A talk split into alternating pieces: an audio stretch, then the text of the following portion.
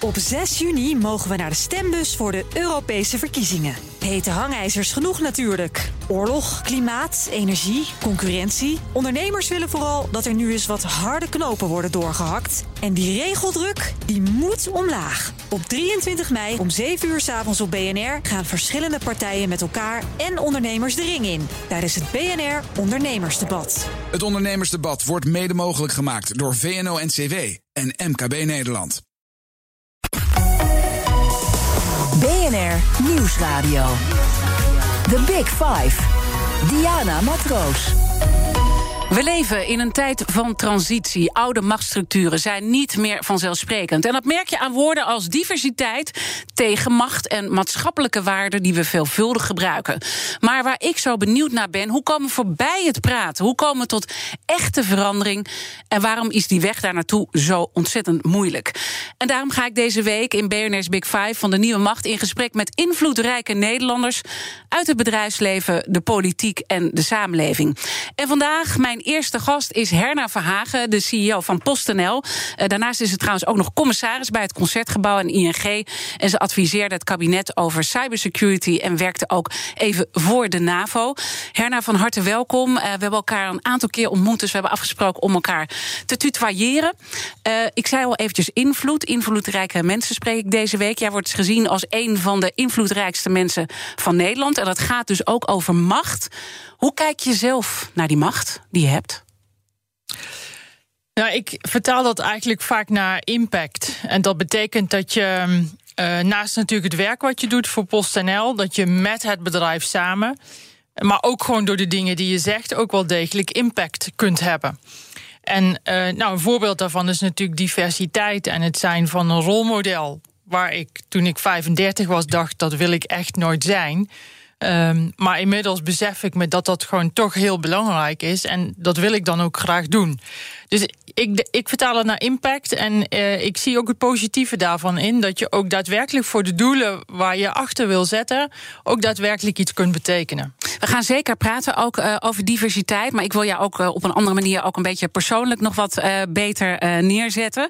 En het gaat ook over hoe ga je nou persoonlijk om met die macht. En Peter Bakker, de voormalig topman van PostNL, zei ooit over jou. Veel topmensen raken het contact met de werkelijkheid kwijt. Maar Herna praat net zo makkelijk met gewone werknemers als met topmanagers.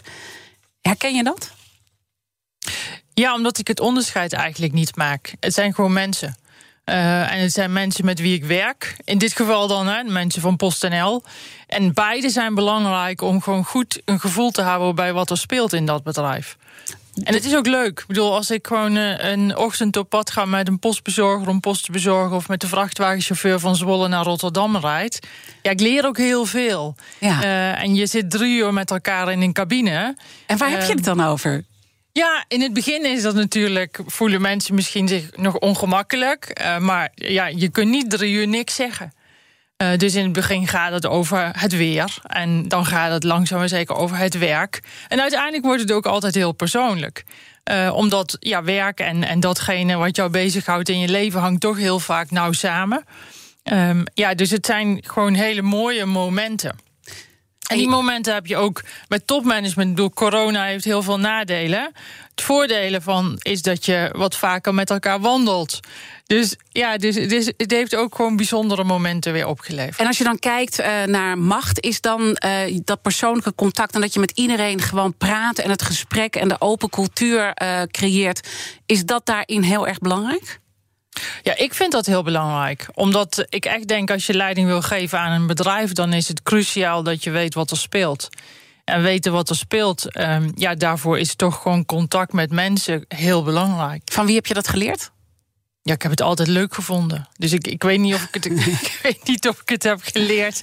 Het is iets wat ik altijd leuk heb gevonden. Ja, nou, ik dacht misschien van je ouders dat je ook hebt geleerd om uh, op een bepaalde manier in het leven te staan. Je ouders zijn heel belangrijk voor jou. Ja, dat wel. Hè. Dus mijn ouders hebben me wel geleerd om ontvankelijk in het leven te staan. In de zin van gewoon open te zijn.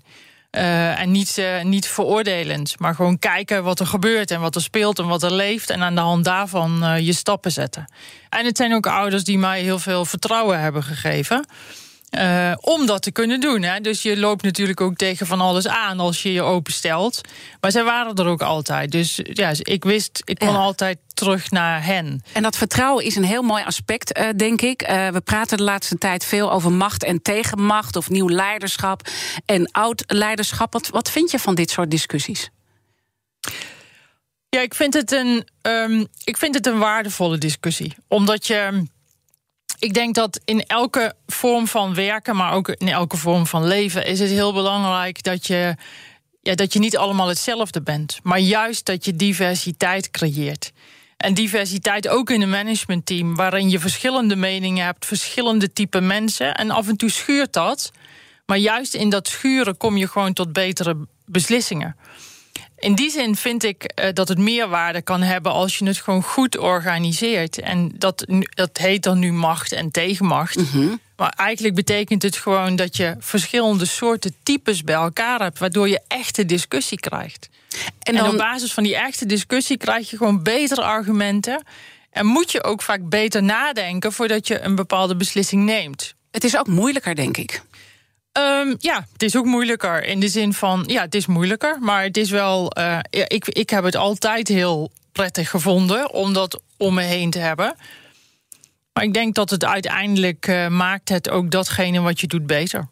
Nou, uh, zei ik al eventjes bij de aankondiging, hè, want macht gaat ook over de verdeling van posities, ook als het gaat om die invloedrijke posities. Nou, jij zit op zo'n positie, maar van alle Nederlandse beursgenoteerde bedrijven zijn er altijd nog maar twee vrouwelijke bestuurders dat ben jij en de Amerikaanse Nancy McKinstry van Wolters Kluwer. Maar jij bent de enige Nederlandse topvrouw aan, aan, het, aan het roer van een AEX-bedrijf. En dat was ook al zo toen je CEO werd van uh, PostNL. Hoe frustrerend is dat voor jou? Want je bent een voorvechter van diversiteit. Ja, ik vind het. Uh, ik heb hoop. Dat is eigenlijk meer hoe ik daarnaar kijk. Uh, in de zin dat ik weet dat er gewoon heel veel talentvolle vrouwen zijn. Eh, en ook talentvolle vrouwen inmiddels op zeer senior posities. Dus het zou gewoon moeten kunnen in de komende jaren dat er meer vrouwen komen, ook op CEO-posities van beursgenoteerde ondernemingen. En, en dat, uh, dat dat tezamen met, en uh, dat heb ik al eerder gezegd, als je kijkt naar quota, dan ben ik inmiddels voorstander gewoon van quota, omdat ik echt denk dat dat helpt. Uh, Nederland is niet heel snel met veranderen en is niet heel snel met diversiteit. En volgens mij wel heel erg noodzakelijk. En ik denk dat dat ook nog gaat helpen. Dus de combinatie van die twee dingen. En we hebben gewoon best wel veel hele goede vrouwen op echt senior posities. Tezamen met ook een bepaalde druk. Mm gaat mijns inziens helpen om het de komende jaren ook echt te veranderen. Maar je zegt dus, we moeten uh, um, niet alleen een quotum hebben voor commissarissen, want dat, dat ligt er nu, maar ook voor uh, de raden van bestuur. Ja, vind ik wel. Omdat het dus toch heel erg langzaam gaat. En je bent toch, ja, je, ik hoor die dubbelheid. Van aan één kant ben je hoopvol, het zou moeten kunnen. En er zijn heel veel talentvolle uh, vrouwen. En we gaan straks ook nog in de brede discussie over diversiteit uh, praten. Maar waarom gaat het zo langzaam? Waarom is het zo moeilijk om tot die verandering te komen dat je eigenlijk naar een soort plicht toe moet? Ja, ik denk dat dat ik, ik denk dat het voor een deel wel te maken heeft met als je, en dat geldt voor diversiteit in, in, in brede zin, hè, als je op een gegeven moment op hoge posities, hogere posities vrouwen wil benoemen of mensen met een andere culturele achtergrond, moet je ervoor zorgen dat je in de functies daaronder ze langzaam maar zeker hebt opgeleid. Dus het kost ook tijd. Dus er zit een factor tijd voordat je echt voldoende interne kandidaten hebt om functies, senior management posities, maar ook raden van bestuur. Ja, en dat is logisch, maar internationaal gezien doen we het niet zo heel goed. Nee, internationaal gezien gaat dat, uh, niet, gaat dat gewoon niet snel genoeg. En ik denk dat dat voor een deel te maken heeft met. Uh, uiteindelijk heb je um, in de keuze voor een, uh, voor een vrouw op een CEO-positie heb je ook lef nodig. En het is een verandering. Een verandering die bij, ja, net, zo goed als bij andersoortige benoemingen Um, ja, waarvan je denkt dat het goed kan, maar het niet zeker weet. En dan, ja, dus die verandering, die is cruciaal. En daarvoor heb je mensen nodig om je heen, in raden van commissarissen, die uiteindelijk Ja, en dat, en dat lef dat is heel boeiend. Want uh, aan één kant uh, zeg je dan van omdat je niet zeker weet, omdat je er dus niet gewend bent uh, dat het goed komt. En tegelijkertijd zeg je, joh, er zijn zat getalenteerde vrouwen of andere mensen met een andere culturele achtergrond, waar we straks ook over spreken. Dus dan toch, waarom is, het, waarom is daar dan lef voor nodig? Omdat het anders is dan anders. En ik voel dat niet zo. Ik bedoel, ja, ja. dat is natuurlijk logisch. maar het is anders dan anders. En daar heb je lef voor nodig. Ja. The Big Five. Diana Matroos. Deze week praat ik met vier prominente Nederlanders over nieuwe macht. Later deze week spreek ik nog met de voormalige Unilever-topman Paul Polman, met Herman Schenk Willink en met de nationale ombudsman. Mijn gast vandaag is de CEO van PostNL, Herna Verhagen. En vorige week eh, was Sylvana Simons, zij is eh, fractievoorzitter van Bijeen, bij mijn collega Art Royakkers de gast in BNR's Big Five van de kleine partijen. En zij wordt ook wel eens Space Invader uh, genoemd. Die term is van toepassing op vrouwen en minderheden die de moed hebben om een ruimte te betreden waarin ze overduidelijk niet de norm zijn. Voel jij je ook wel een Space Invader of heb je ooit wel eens zo gevoeld? ik denk toen ik jonger was. Ja? Nu, niet, nu niet meer, eerlijk gezegd. Maar, maar vertel eens, toen je jong was, wat voelde je dan? Ja, dan kwam je echt wel. Uh, uh, yes, ik werk natuurlijk in een logistieke business. En zeker twintig jaar geleden was dat echt nog een mannenwereld. Ja. Dus dan kom je toch vaak als enige vrouw, was je dan ergens.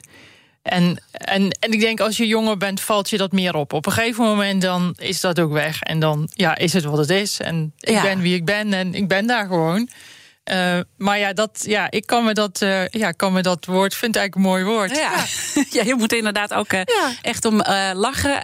en jij zei eerder in de podcast voor BNR, die ik maakte over diversiteit, all inclusive, dat je dan wel eens merkte als je dan een, een mannelijk gezelschap binnenkwam, dat ze dan toch zoiets hadden: hm, moeten we die grapjes nu wel maken? Ja, dat is zeker zo. Als je als enige vrouw in een gezelschap bent, dan merk je dat in het begin het gedrag anders is dat verandert ook heel snel. Als mensen je weer wat beter leren kennen of je onderdeel bent van het geheel, ja. ja dan is dat ook weer weg. Ja. Maar in het begin is dat zeker zo en moeten mensen er gewoon naar wennen. En hoe doe jij dat dan om dat te doorbreken? Hè? Want er zitten misschien ook andere uh, vrouwelijke, vrouwelijke talenten te luisteren of op topposities die daarmee worstelen. Wat, wat, wat doe je daarmee? Ja, toch dicht bij jezelf blijven. En gewoon jezelf blijven. En de dingen doen die je altijd doet. Um, en de dingen doen waar je goed in bent. Dat, dat is eigenlijk het allerbelangrijkste. Uh, over Sylvana Simons gesproken. Uh, onze gasten stellen elkaar kettingvragen. Ja. En zij had ook een uh, vraag voor jou. Laten we daar even naar gaan luisteren. Ja, best bijzonder dat we in 2020 nog steeds zoveel firsts hebben. The first black woman, the first woman. Uh, dat is uh, een eh, bitterzoet genoegen. Maar dat komt ook omdat we met z'n allen aandacht hebben gekregen voor vrouwen aan de top. En meer vrouwen aan de top. En het doorbreken van het glazen plafond. Wat ik eigenlijk wel van haar zou willen weten, is hoe kijkt ze naar al die andere vrouwen bij, die niet aan de top staan of naar de top willen of kunnen. Maar die op de werkvloer werken. die in het middenkader van het bedrijfsleven werken. En ook met die grenzen geconfronteerd worden. Hoe zorgen we dat we over de hele breedte meer aan participatie doen en ons niet blind staren uh, op de vrouwen aan de top. Uh, die, nogmaals, waar ik alle waardering voor heb, uh, maar waar we ons wel vaak een beetje te veel op concentreren en voorbij gaan aan nou, hoe gaat het met de diversiteit en de inclusiviteit in de rest van het bedrijf. Dus ik ben eigenlijk wel benieuwd hoe pakt zij dat binnen haar bedrijf AX genoteerd aan.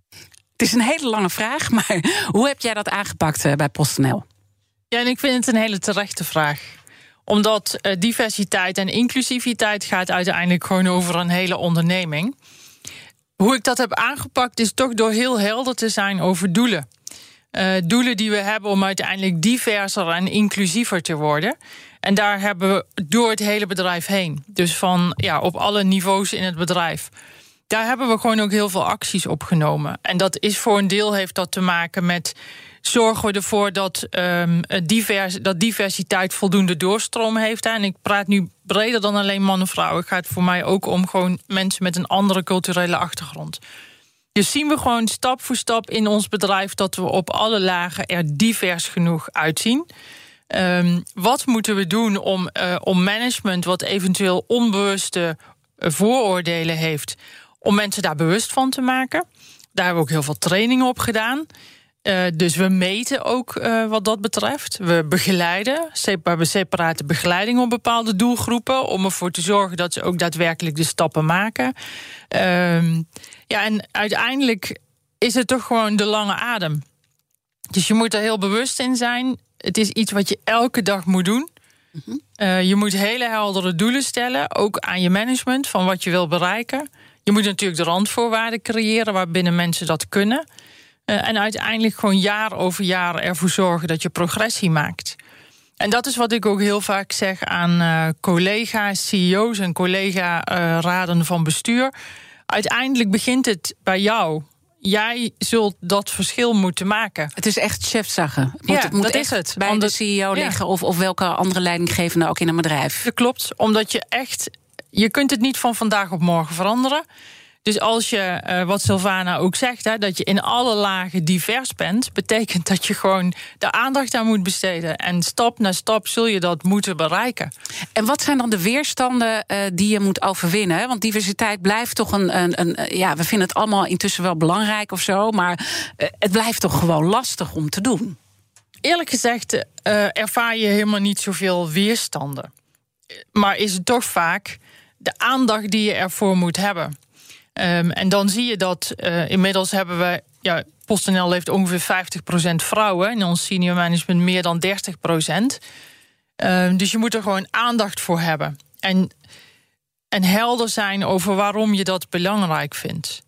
En niet, niet alleen ik, ook gewoon de leden van het executive committee. En langzaam maar zeker ga je die verandering zien. Want langzaam maar zeker komen er meer vrouwen langs in leidinggevende posities. Langzaam maar zeker komen er meer mensen met een andere culturele achtergrond in leidinggevende posities. Ontstaan er voorbeelden in je bedrijf. Krijg je ook daadwerkelijk rolmodellen enzovoort enzovoort. Dus dat is, een, dat is heel belangrijk. Wat bij ons ook heel erg heeft geholpen is dat wij een uh, mentorship zijn op zijn gestart. En dat betekent dat senior managers Mhm. jonge vrouwen of jonge mensen met een andere culturele achtergrond begeleiden. En wat dat heeft gedaan, is dat de pool aan talenten die we hebben veel zichtbaarder is geworden. Want in één keer hadden we heel veel senior management, wat eigenlijk een hele grote pool aan mensen leerde kennen en de kwaliteiten van die mensen. En dat heeft ons ook geholpen. Ja, dus het is om eigenlijk die- gewoon die verbinding maken. Ja? Dat het is het- verbinding maken en, en het blijven doen. Ja, en, en Ja. dus ook die open cultuur waar, waar we eerder over spraken. Want ik kan me ook voorstellen dat je wel bepaalde dingen bespreekbaar moet maken. Die, Klopt. Ja, want je zegt eigenlijk, eh, nou, het gaat best wel makkelijk. Maar er moeten toch momenten zijn dat er ook wel wat spannende dingen aan de orde komen. Ja, het gaat, het gaat makkelijk in de zin van dat, het, eh, dat je niet op bewuste weerstand stuit. Ik denk dat wat je bespreekbaar moet maken is het onbewuste. Eh, en het onbewuste is, is een voorbeeld waarin we eh, met cultureel, cultureel vakmanschap... Hè, alle leidinggevenden hebben ook een training cultureel vakmanschap gevolgd... En dat betekent dat je je bewust wordt dat in sommige geloven sommige dagen heel erg belangrijk zijn. En dat je mensen op die, die dagen niet in een avondshift moet zetten. Net als dat je een christen waarschijnlijk niet op ehm, eh, kerstavond of op eerste kerstdag in een avondshift moet zetten. Nou, dat soort simpele, relatief simpele dingen, die zijn heel belangrijk om mensen zich echt bewust van te maken. Ehm, waardoor er meer openheid komt om daar ook over te praten. En dus dan eigenlijk culturele verschillen bespreekbaarder worden. En dan wordt makkelijker om ermee om te gaan. Dus je hebt weerstanden, vaak onbewust. Maar als je mensen echt bewust maakt van wat betekent dat? Wat doet dat? Wat doet het met een ander? Dan zijn er maar heel weinig mensen die dat bewust doen. En dan is het ook eigenlijk helemaal niet zo'n probleem. Nee. Nee. Nee. Eh, Interessant. En eh, dan is ook de vraag van, je zegt je moet goed uitleggen waarom je het doet. Waar, waarom doe je het? Wat, wat, welke gedachten zitten erachter? Je noemde al eventjes natuurlijk, eh, ik wil verschillende karakters. Hè, want diversiteit zijn ook verschillende karakters. Niet alleen man, vrouw en, en welke culturele achtergrond je hebt. Mensen die zeggen wat ze vinden, want daar, daar wordt het bedrijf beter van. Maar wat zijn nog meer motieven om hier aandacht aan te besteden? Ja, voor mij is een heel belangrijk eh, motief om eigenlijk eh, gewoon alle talenten die er zijn, om die ook daadwerkelijk te kunnen benutten. En het is een beetje jammer als je 50% van je talenten uitsluit. Eh, dat vind ik. Dus dat is een heel belangrijk argument. Een belangrijk argument is ook. Kijk, als ik kijk naar het bedrijf PostNL, dan is dat een, een, een bedrijf wat een afspiegeling is van deze samenleving. Er werken 50.000 mensen, dus dat is een gemiddelde stad in Nederland. Dus alles wat je in die stad ziet, zie je ook bij ons. Dan, dan is het ook belangrijk om dat door je hele bedrijf heen te zien.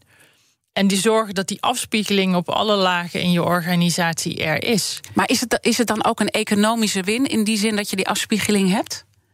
Ja, omdat ik geloof dat je, uh, dat je herkenbaarder daardoor wordt. En dat management herkenbaarder wordt. En dat ook in managementbeslissingen de verschillende invalshoeken vanuit ja, de diversiteit worden meegenomen. Ja, dus ik, ik denk dat dat belangrijk is. Ja. En als je dan praat, hè, want deze week gaat over nieuwe macht, uh, is dit een heel belangrijk? Want ik vind, ik merk altijd, er wordt zoveel gesproken over nieuwe macht en nieuw leiderschap. Is dit dan een concreet aspect van nieuwe macht? Of, of gaat het om andere dingen? Nee, ik denk dat dit belangrijk is. Dat dit een belangrijk element is. Het gaat om meer. Uh, het gaat ook om duurzaamheid bijvoorbeeld. Het gaat ook over het hebben van een maatschappelijke rol. Um, maar dit is ook wel een belangrijk aspect. Om gewoon het Nederland wat wij over 10 en over 20 en over 30 jaar zijn, om dat ook gewoon terug te zien in het management van een bedrijf. En als het gaat over die uh, maatschappelijke rol, uh, je ziet dat er in, vanuit de samenleving steeds meer eisen worden gesteld, ook aan het bedrijfsleven. Straks gaan we ook praten hoe jullie daarmee omgaan. Maar wat ik me wel afvroeg, je hebt natuurlijk aandeelhouders, uh, je moet natuurlijk, het gaat ook om de winst. Soms korte termijn gedreven. Hoe moeilijk is dat om die balans te vinden? Dat je dus meer moet doen voor de maatschappij en tegelijkertijd ook die aandeelhouder tevreden moet stellen. Ja, ik denk dat dat wel samen kan gaan. Nou, allereerst zie je ook bij aandeelhouders echt wel verandering. Hè? Dus uh, ook aandeelhouders gaan uh, ja, gewoon omgeving, duurzaamheid, uh, sociaal beleid steeds belangrijker vinden. Dat heet dan met een heel mooi woord ESG. Maar dat zie je ook echt terug. Je ziet dat er meer vragen overkomen vanuit aandeelhouders in gesprekken die je hebt. Dus ook daar zie je verandering en, en een verschuiving. Um, die balans is wel belangrijk. Dus daar moet je goed over nadenken hoe je die, hoe je die treft, hoe je die, die krijgt. Ja. Ik denk alleen wel dat als je kijkt naar Nederland en actief zijn in Nederland, betekent gewoon dat je Nederland is het land van een stakeholdersmodel. Dus je zult hier altijd die verschillende stakeholders toch gewoon echt goed met elkaar moeten verenigen. Laten we daar dan zo meteen over verder praten. Wat je doet om die balans te creëren. Mijn gast in BNR's Big Five van de Nieuwe Macht is Herna Verhagen, de CEO van PostNL. En we gaan het natuurlijk ook hebben over goed werkgeverschap en hoe je als grote organisatie in concurrerende wereld relevant blijft en geen oude machtspeler wordt. Tot zo. BNR Nieuwsradio. The Big Five. Diana Matroos. Welkom bij het tweede halfuur van BNR's Big Five. Deze week praat ik met vier prominente Nederlanders over nieuwe macht. Vier, omdat we natuurlijk vanwege Pinksteren gisteren geen uitzending hadden. Later deze week spreek ik nog met Renier van Zutphen, de nationale ombudsman. En met Herman Schenk Willink en Paul Polman. Mijn gast vandaag is Herna Verhagen, de CEO van PostNL. We hebben net al een beetje gesproken hoe belangrijk diversiteit als aspect is van een nieuwe macht. Uh, maar je benoemde ook al de maatschappelijke impact hoort daar ook bij. En goed werkgeverschap is daar natuurlijk ook een onderdeel van. Uh, FNV-voorzitter Tuur Elsinga heeft wel eens gezegd dat PostNL succes boekt ten koste van flexwerkers. Die zouden worden uitgeput, uh, slecht betaald. Wat vind je van dat soort kritiek? Nou, ik, ik, luister, ik luister er natuurlijk altijd naar, omdat ik echt sta voor een PostNL wat gewoon sociaal is voor zijn medewerkers. En ik vind ook dat wij dat zijn. En als ik kijk naar PostNL, dan hebben we uh, natuurlijk bijna 50.000 mensen, waarvan bijna iedereen bij ons in dienst is op basis van een arbeidsovereenkomst. En alleen voor de echte piekmomenten, en daar waar we het soms moeilijk hebben om mensen te werven, zetten wij uitzendkrachten in. Dus het percentage flex is echt heel laag in ons bedrijf. Uh, dus in die zin uh, vind ik, denk ik, als ik naar PostNL kijk dan durf ik echt met uh, ja, oprechtheid te zeggen dat wij gewoon een sociaal bedrijf zijn. Dat we zorgen voor de mensen die bij ons werken. Uh, en dat we dat proberen op een goede manier te doen. Ja, en, en dan zie je toch dat de commissie Borslap die zegt ook... flexwerk vergroot de uh, sociale kloof en de ongelijkheid. Uh, omdat ze met onzekerheid kampen. Ze hebben ook vaak geen uh, sociale verzekeringen. Zou je als een van de grootste werkgevers van Nederland... niet nog een stapje meer kunnen zetten... om nog meer mensen in vaste dienst te nemen? Of is dat gewoon ondoenlijk? Ja, ik denk dat wij ongeveer um, nou, max 2% flex hebben. Ja. Dus ja, ik weet niet welke stap je dan nog moet zetten. Ja. Uh, dus wij hebben echt heel weinig uh, flexarbeid en heel weinig uitzendkrachten. Nou heeft wel, uh, Tuur Elsinga ook wel gezegd... Hè, de boosheid is intussen wat gezakt. Vergeleken met andere bedrijven is PostNL niet eens zo heel slecht. Dus dat, dat wordt dan ook gezegd. Waar, waarom wordt elke keer die discussie toch weer op dat bordje gegooid dan? Als je eigenlijk zegt, joh, dit is zo'n klein percentage. Dit hebben we nodig, die flexibiliteit. Ik denk dat het uh, PostNL is een, mooi, is een mooie brand hè? En is een brand die heel veel Nederlanders aangaat. En dat zegt ook meteen iets over de enorme maatschappelijke functie die PostNL heeft. En in die zin krijg je natuurlijk publiciteit met onze brand. Dat is gewoon wat het doet. Mm Um, daarnaast vind ik, en dat, dat is natuurlijk waar wij zelf echt wel heel erg uh, steeds naar kijken, is ja, je checkt je eigen sociale beleid wel steeds van voldoet dat nog aan datgene wat wij willen zijn in deze samenleving. En daarin zie je natuurlijk dat ook PostNL echt hele grote stappen heeft gemaakt. Hè. Daar waar we in 2013, toen ik net begon, um, heel veel ZZP'ers hadden, hebben we nu nog 150 ZZP'ers. Uh, dus je ziet ook wel in ons bedrijf natuurlijk verandering. Hetzelfde als waar we het net over hadden. Hè. Hoe zorg je ervoor dat je diversiteit in de brede zin van het woord in alle lagen van je bedrijf krijgt? Al die sociale aspecten zijn mijn inziens wel cruciaal om ook daadwerkelijk gewoon een goed bedrijf te zijn voor de mensen die er werken. Mhm. En het is aan verandering onderhevig. Uh, hoe Nederland er naar kijkt is aan verandering onderhevig. En daar moet je als bedrijf niet blind voor zijn. En als je dus- dan kijkt naar uh, nieuwe ontwikkelingen die er zijn, want je zegt elke keer groei je wel mee. Uh, we hebben natuurlijk nu door de coronatijd, jullie hebben het heel goed gedaan, hè? onlangs de cijfers ook gepresenteerd. En daar zie je ook dat er corona gerelateerd heel veel meer winst is gemaakt, terwijl andere bedrijven echt ontzettend moeilijk hebben.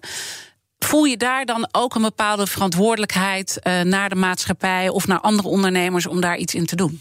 Ja, die, die voelen wij zeker. En um, we hebben bijvoorbeeld allereerst naar onze eigen medewerkers, die natuurlijk vorig jaar echt heel hard hebben gewerkt.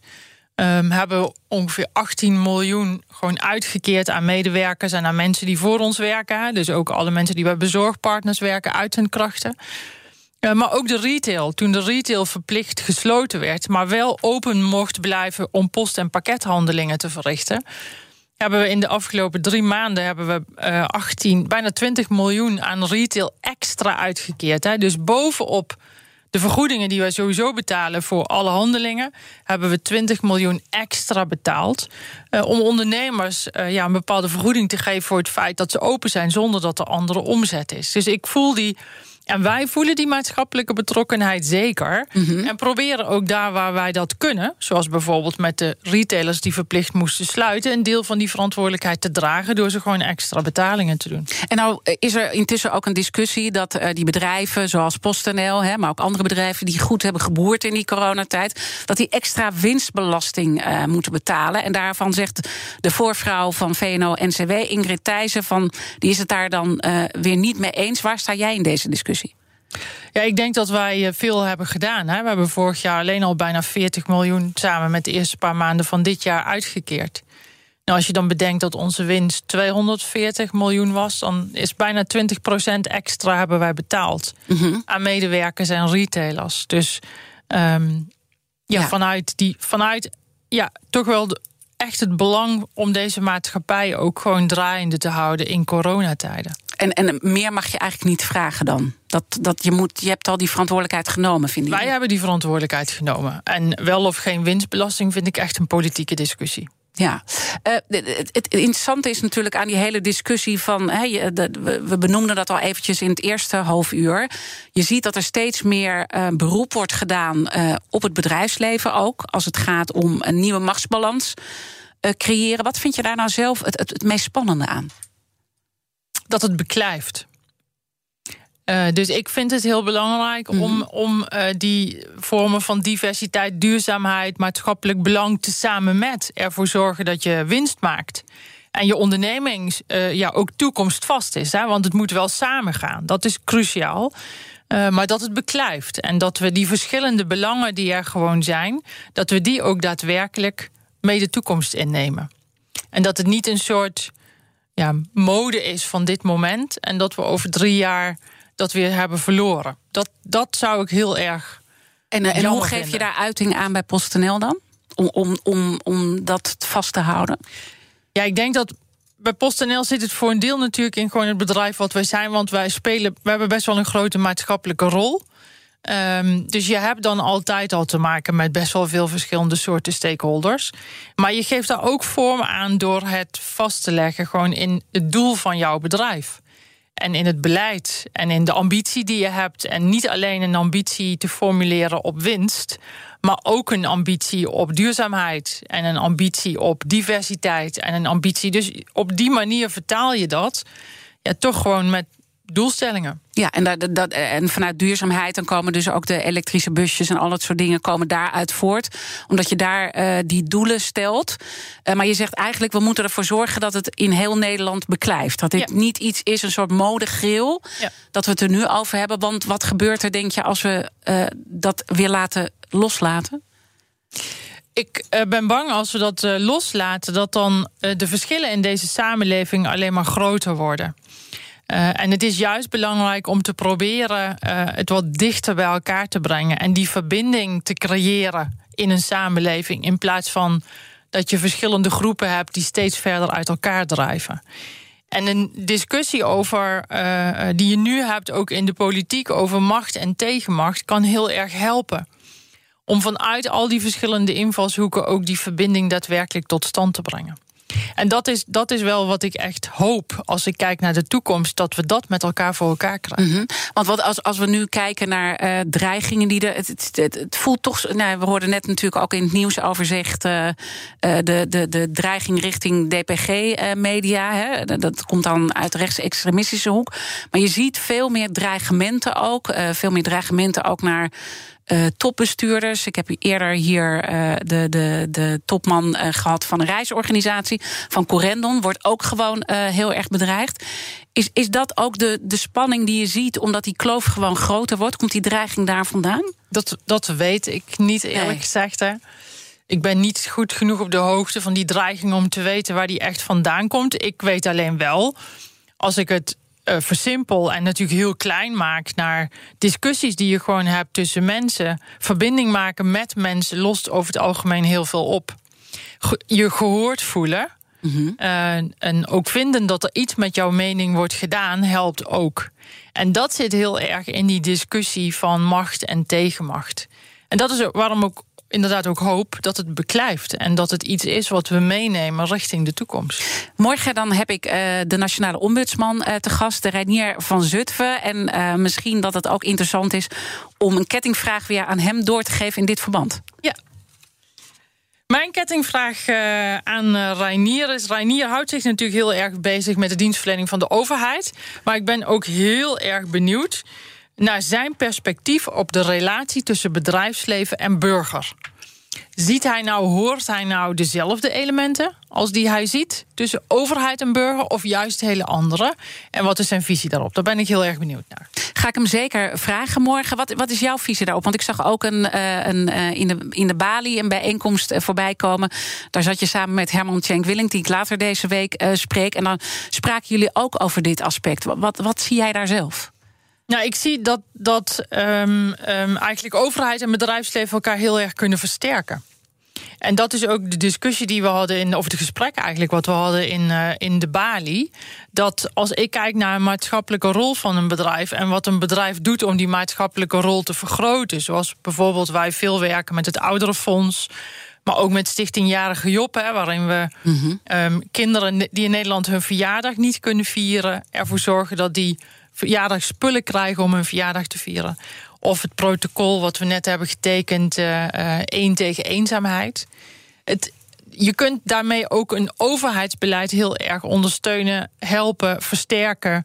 Uh, en daarmee ook de, daadwerkelijk deze samenleving versterken. Ja, en, dus ik, en, en de vraag is altijd van, hey, je kan samenwerken, maar moet je het in de vrijwilligheid laten of moet je misschien ook met wetgeving verplichten dat die MVO ook echt uh, tot stand komt? Want deze discussie speelt nu ook uh, Europees gezien. En VNO-NCW is daarin veranderd. Die waren vroeger echt tegen. Nu zeggen ze, nou, als we het Europees uh, kunnen regelen... is het misschien toch wel een goed idee, maar laten we dat beter uitwerken. Moet je tot dat soort dwang komen om het te realiseren?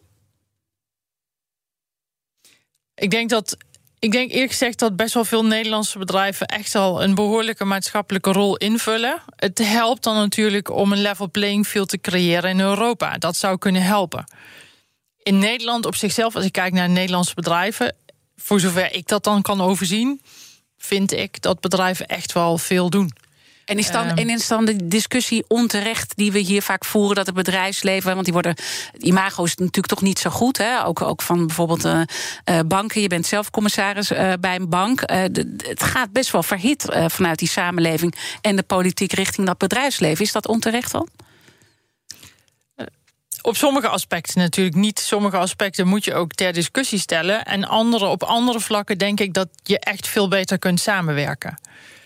Uh, en ik vind uh, één tegen eenzaamheid is daar gewoon echt een mooi voorbeeld van. Hè, waarbij we onze pakketbezorgers en postbezorgers ook inzetten om eenzaamheid te signaleren. En wat zij dan doen is dat zij uh, bellen met een, een helpdesk bij de overheid. Die vervolgens gaan kijken wat ze daaraan kunnen doen en wat ze daarmee kunnen doen.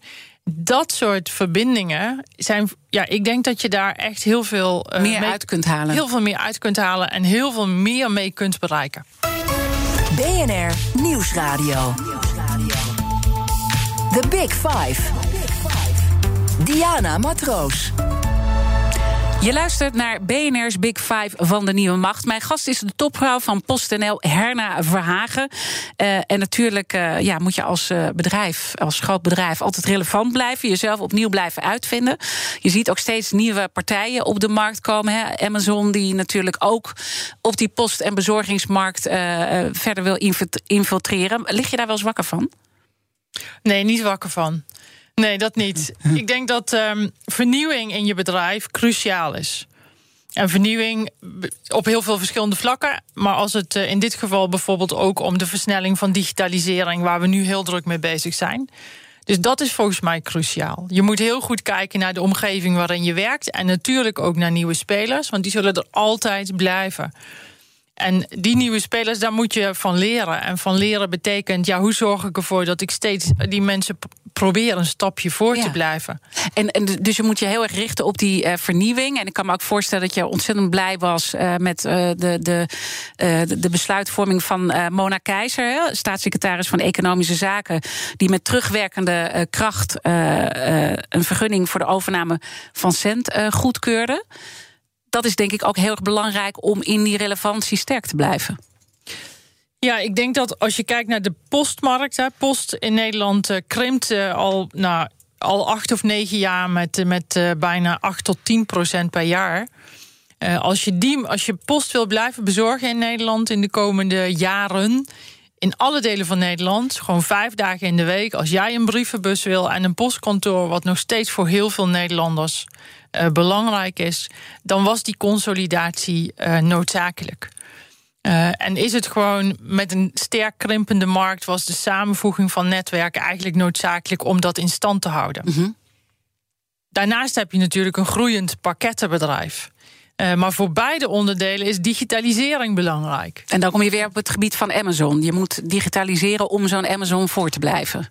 Ja, maar ook niet alleen dat, hè, maar ook gewoon om ervoor te zorgen dat uh, jij en ik uh, weten wanneer het pakketje komt. Dat je ja. de mogelijkheid hebt om het pakketje ergens anders neer te leggen als je dat wil. Of te zeggen van nou, kom morgen maar, maar terug. Hè. Dus er zitten heel veel elementen in die gewoon te maken hebben met hoe zorg je er nou voor dat PostNL de favoriete bezorger blijft. Want dat is wat wij willen. Wij ja. willen de favoriete bezorger zijn van jou en van iedereen. Nou, hoe doe je dat? En daar is uh, digitalisering. En daarmee maak jij eigenlijk, ja, langzaam maar zeker, ben jij degene die bepaalt wat er gebeurt. Ja. Is daarin cruciaal. En dan zeg je, ik lig er niet wakker van. Ik uh, stort me gewoon op die vernieuwing. Of uh, nou ja, voor elkaar krijgen dat die, die fusie overeind blijft. en dat je daarin sterk kan blijven. Hoe doe je dat persoonlijk als leider? Want er wordt toch heel veel van jou gevraagd. Het is een enorme verantwoordelijkheid. Uh, helpt het dat je bijvoorbeeld elke dag om zes uur gaat sporten? Ah, sporten helpt, sporten helpt mij Vijf dagen in de week, hè? Ja, ja, ja. Dat is wel ja. karakter, vind ik. Sporten helpt mij zeker. Je blijft er heel gezond van. Uh, tenminste, uh, voor zover je dat zelf kunt, uh, waar, waar, je zelf invloed op hebt, natuurlijk. Dat is één. En twee, het is ook altijd een uurtje in de dag waarin ik. Um, ja, ik, ik, doe, ik train altijd zonder muziek. Waarin ik gewoon mijn gedachten vrij kan laten gaan. En als ik nergens over na wil denken, denk nergens over na. Of ik denk ergens over na. Dus dat vind ik er heel fijn aan. Ik, ja, voor, voor een deel denk ik ook, als je kijkt naar de verschillende dossiers die je hebt of dingen die je wil doen. Ja, ik, ik vind het ook gewoon leuk om te doen. Hè? Dus ik vind ja, het je staat elke dag van. Uh, uh, op uh, en je vindt het gewoon leuk om aan de dag te Ja, beginnen. Ik heb ja. wel eens dat ik opsta en denk. Nee, ik heb- hoe, hoe, krijg- hoe krijg ik dat gevoel dat ik elke dag als zondagskind wakker word? Ik denk dat ik, dat- volgens mij heb ik dat gewoon meegekregen toen ik werd geboren. Dat denk ik. Ja, ja. Dat, ik doe mijn Doe ogen niks voor. open en dan wil ik ook Dan wil je aan de gang. wil ik aan de gang, wil ik eh, starten, wil ik iets gaan doen. Ja, dus dat, ja, En dat doen, dat doe je natuurlijk al gigantisch lang hè, bij dit bedrijf. ja. 30 jaar in verschillende functies. En het bedrijf heeft natuurlijk allerlei eh, entiteiten gehad. Hè? TNT. ehm, nou ja, nou, we kennen de hele historie. Hoe lang ga je het nog doen? Ja, ik hoop nog heel lang. Ik vind Ja. het gewoon een heel mooi bedrijf. En het zijn fantastische mensen, vind ik. Ik vind het een bedrijf met een hele belangrijke maatschappelijke functie. Nou, dat heeft natuurlijk 2020 met corona ook wel bewezen. En ook de enorme waardering die er was en is voor onze postbezorgers en pakketbezorgers. Ja, daar word je, krijg je zelf ook een heel warm gevoel van. Ehm, en ik vind het ook wel eervol om een bedrijf in een transitie te, te hebben gebracht. Hè? Dus van, van echt een postbedrijf naar een post- en pakkettenbedrijf. Inmiddels zijn we meer pakketten dan post. Eh, van een krimpende onderneming is het een groeionderneming geworden.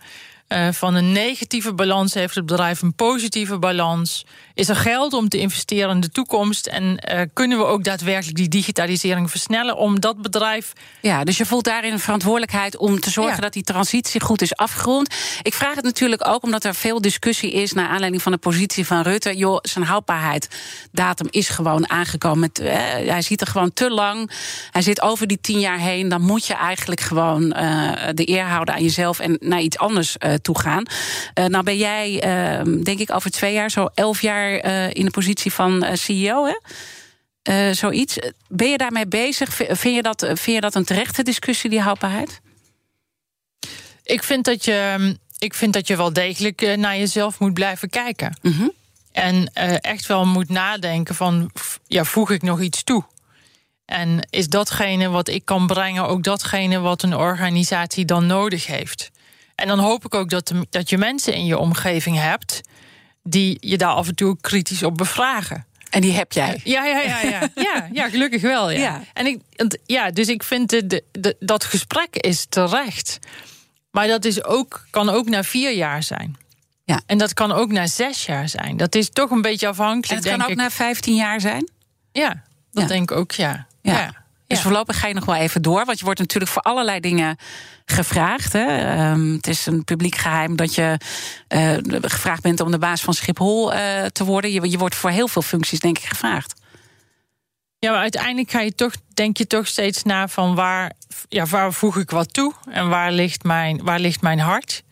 Eh, en waar denk ik dat ik ook daadwerkelijk met de capaciteiten die ik heb een verandering teweeg kan brengen. Ja. Dat zijn Zou je steeds- ooit minister willen worden? Nee. Nee? Nee, Nee? dat denk ik niet. Waarom niet? Nee. Want je wordt wel vaak ook in dat verband. Je wordt voor heel veel posities eh, genoemd, maar ook eh, voor ministerschap. Ja, ik, ik denk zelf dat. Ik vind het lastig om ehm, bij dingen die je wil bereiken, heel veel, steeds heel veel water bij de wijn te moeten doen. Dus ik ben heel erg gewend om met een heel groot stakeholderveld te werken. Dus dat, dat, dat is iets wat ik ook heel leuk vind. Ehm, maar uiteindelijk wil je wel met, met een groep mensen ook daadwerkelijk verandering brengen. En snelheid. En een bepaalde snelheid creëren. Ja. Eh, en misschien eh, zie ik, kijk ik niet goed naar die functie, I don't know, hè, maar dat is wel wat mij eh, weerhoudt. Ik wil je heel erg danken voor het gesprek dat je hier wilde zijn vandaag. Dankjewel, Herna Verhagen, de CEO van PostNL. En natuurlijk zijn al onze afleveringen zoals altijd terug te luisteren via de podcast. Uh, je vindt het in de BNR-app of op bnr.nl. Maar blijf natuurlijk de hele dag live hier op BNR. En morgen, zoals gezegd, spreek ik met de Nationale Ombudsman. Een mooie dag. Op 6 juni mogen we naar de stembus voor de Europese verkiezingen. Hete hangijzers genoeg natuurlijk. Oorlog, klimaat, energie, concurrentie. Ondernemers willen vooral dat er nu eens wat harde knopen worden doorgehakt. En die regeldruk, die moet omlaag. Op 23 mei om 7 uur s avonds op BNR gaan verschillende partijen met elkaar en ondernemers de ring in. Tijdens het BNR Ondernemersdebat. Het Ondernemersdebat wordt mede mogelijk gemaakt door VNO-NCW en MKB Nederland.